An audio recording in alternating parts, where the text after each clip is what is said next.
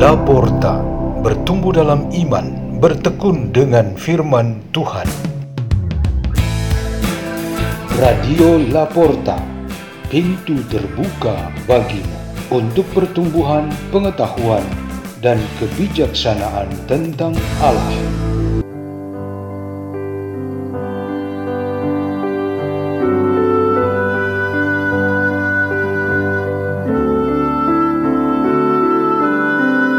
Bacaan dan Renungan Sabda Tuhan Hari Senin Oktav Paskah 18 April 2022 Dibawakan oleh Yanti Krishna dan Elsie Nova Purba dari Sekolah Saint Peter di Paroki Kelapa Gading, Keuskupan Agung Jakarta.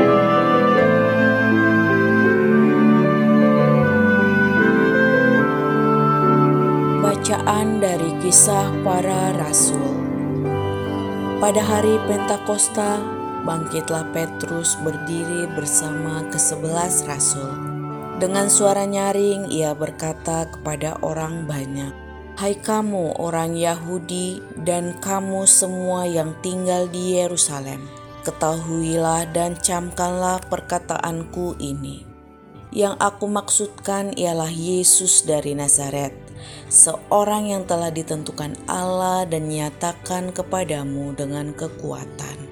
Mukjizat dan tanda-tanda yang dilakukan oleh Allah dengan perantaraan Dia di tengah-tengah kamu, seperti yang kamu tahu. Dia yang diserahkan Allah menurut maksud dan rencananya telah kamu salibkan dan kamu bunuh dengan tangan bangsa-bangsa durhaka. Tetapi Allah membangkitkan dia dengan melepaskannya dari sengsara maut, karena tidak mungkin ia tetap berada dalam kuasa maut itu. Sebab Daud berkata tentang dia, Aku senantiasa memandang kepada Tuhan, karena Ia berdiri di sebelah kananku. Aku tidak goyah, sebab itu hatiku bersuka cita dan jiwaku bersorak-sorak, bahkan tubuhku akan diam dengan tentram. Sebab Engkau tidak menyerahkan aku kepada dunia orang mati, dan tidak membiarkan orang kudusmu melihat kebinasaan Engkau memberitahukan kepadaku jalan kehidupan, Engkau akan melimpahi aku dengan sukacita di hadapanmu. Saudara-saudara, aku boleh berkata-kata dengan terus terang kepadamu tentang Daud, bapa bangsa kita. Ia telah mati dan dikubur, dan kuburnya masih ada pada kita sampai hari ini. Tetapi ia adalah seorang nabi dan ia tahu bahwa Allah telah berjanji kepadanya dengan mengangkat sumpah bahwa ia akan mendudukan seseorang dari keturunan Daud sendiri di atas tahtanya. Karena itu Daud telah melihat ke depan dan telah berbicara tentang kebangkitan Mesias. Ketika ia mengatakan bahwa dia tidak ditinggalkan di dalam dunia orang mati, dan bahwa dagingnya tidak mengalami kebinasaan. Yesus inilah yang dibangkitkan Allah, dan tentang hal itu kami semua adalah saksi.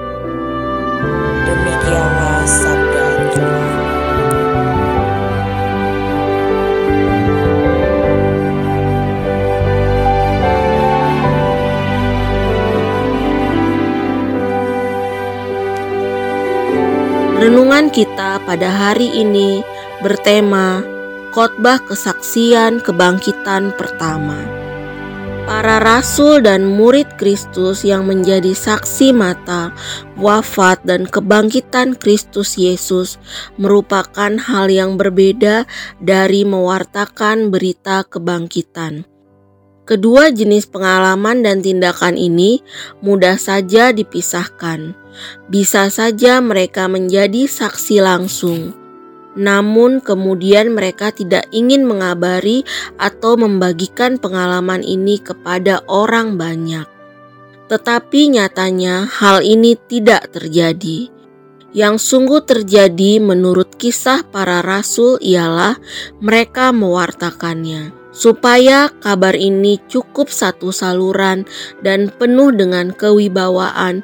Pewartaan pertama kali itu harus bersifat kelembagaan, resmi bagi siaran pers satu pintu dan disampaikan oleh pribadi yang memiliki otoritas untuk melakukan itu. Itu kemudian kita sebut sebagai khotbah kesaksian kebangkitan yang pertama. Khotbah ini disampaikan secara resmi oleh kepala atau dituakan di dalam gereja perdana, yaitu rasul pertama Santo Petrus. Khotbah ini intinya berbunyi begini: Yesus Kristus yang ditentukan Allah untuk memenuhi semua janji di masa lalu adalah Mesias sesungguhnya ia dihukum mati dengan tuduhan tidak benar dan adil. Ia telah mati dan dikubur, namun kini dibangkitkan Allah. Semua yang berkaitan dengan kematian dan kebangkitannya, Petrus dan para rasul lain adalah saksi, supaya khotbah ini tidak sekedar kata-kata kosong Pembuktian peristiwa tersebut dan rekaman pengalaman para saksi mata merupakan faktor yang sangat menentukan kebenarannya.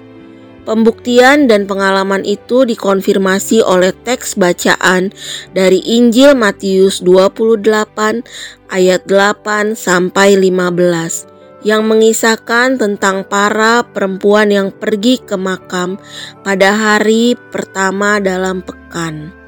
Yesus yang bangkit menampakkan diri dan menyalami mereka. Salam bagimu. Kemudian Yesus juga mengatakan kepada mereka, "Jangan takut, pergi dan katakanlah kepada saudara-saudaraku supaya mereka pergi ke Galilea, dan di sanalah mereka akan melihat Aku."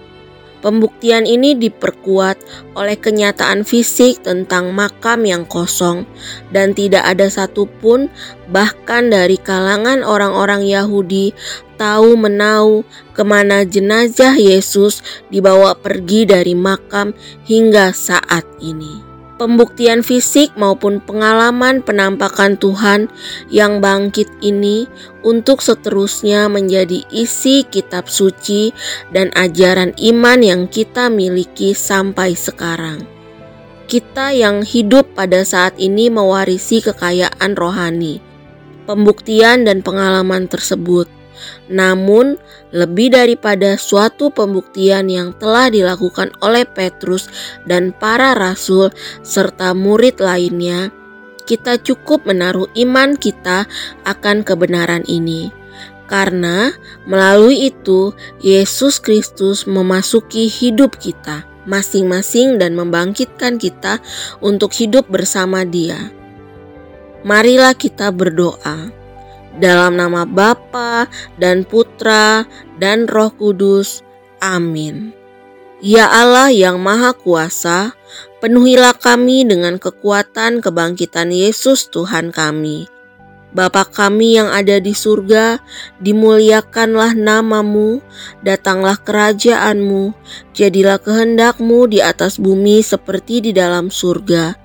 Berilah kami rejeki pada hari ini, dan ampunilah kami akan kesalahan kami, seperti kami pun mengampuni orang yang bersalah kepada kami. Dan jangan masukkan kami ke dalam pencobaan, tapi bebaskanlah kami dari yang jahat. Amin. Dalam nama Bapa dan Putra dan Roh Kudus. Amin. Radio Laporta, pintu terbuka bagi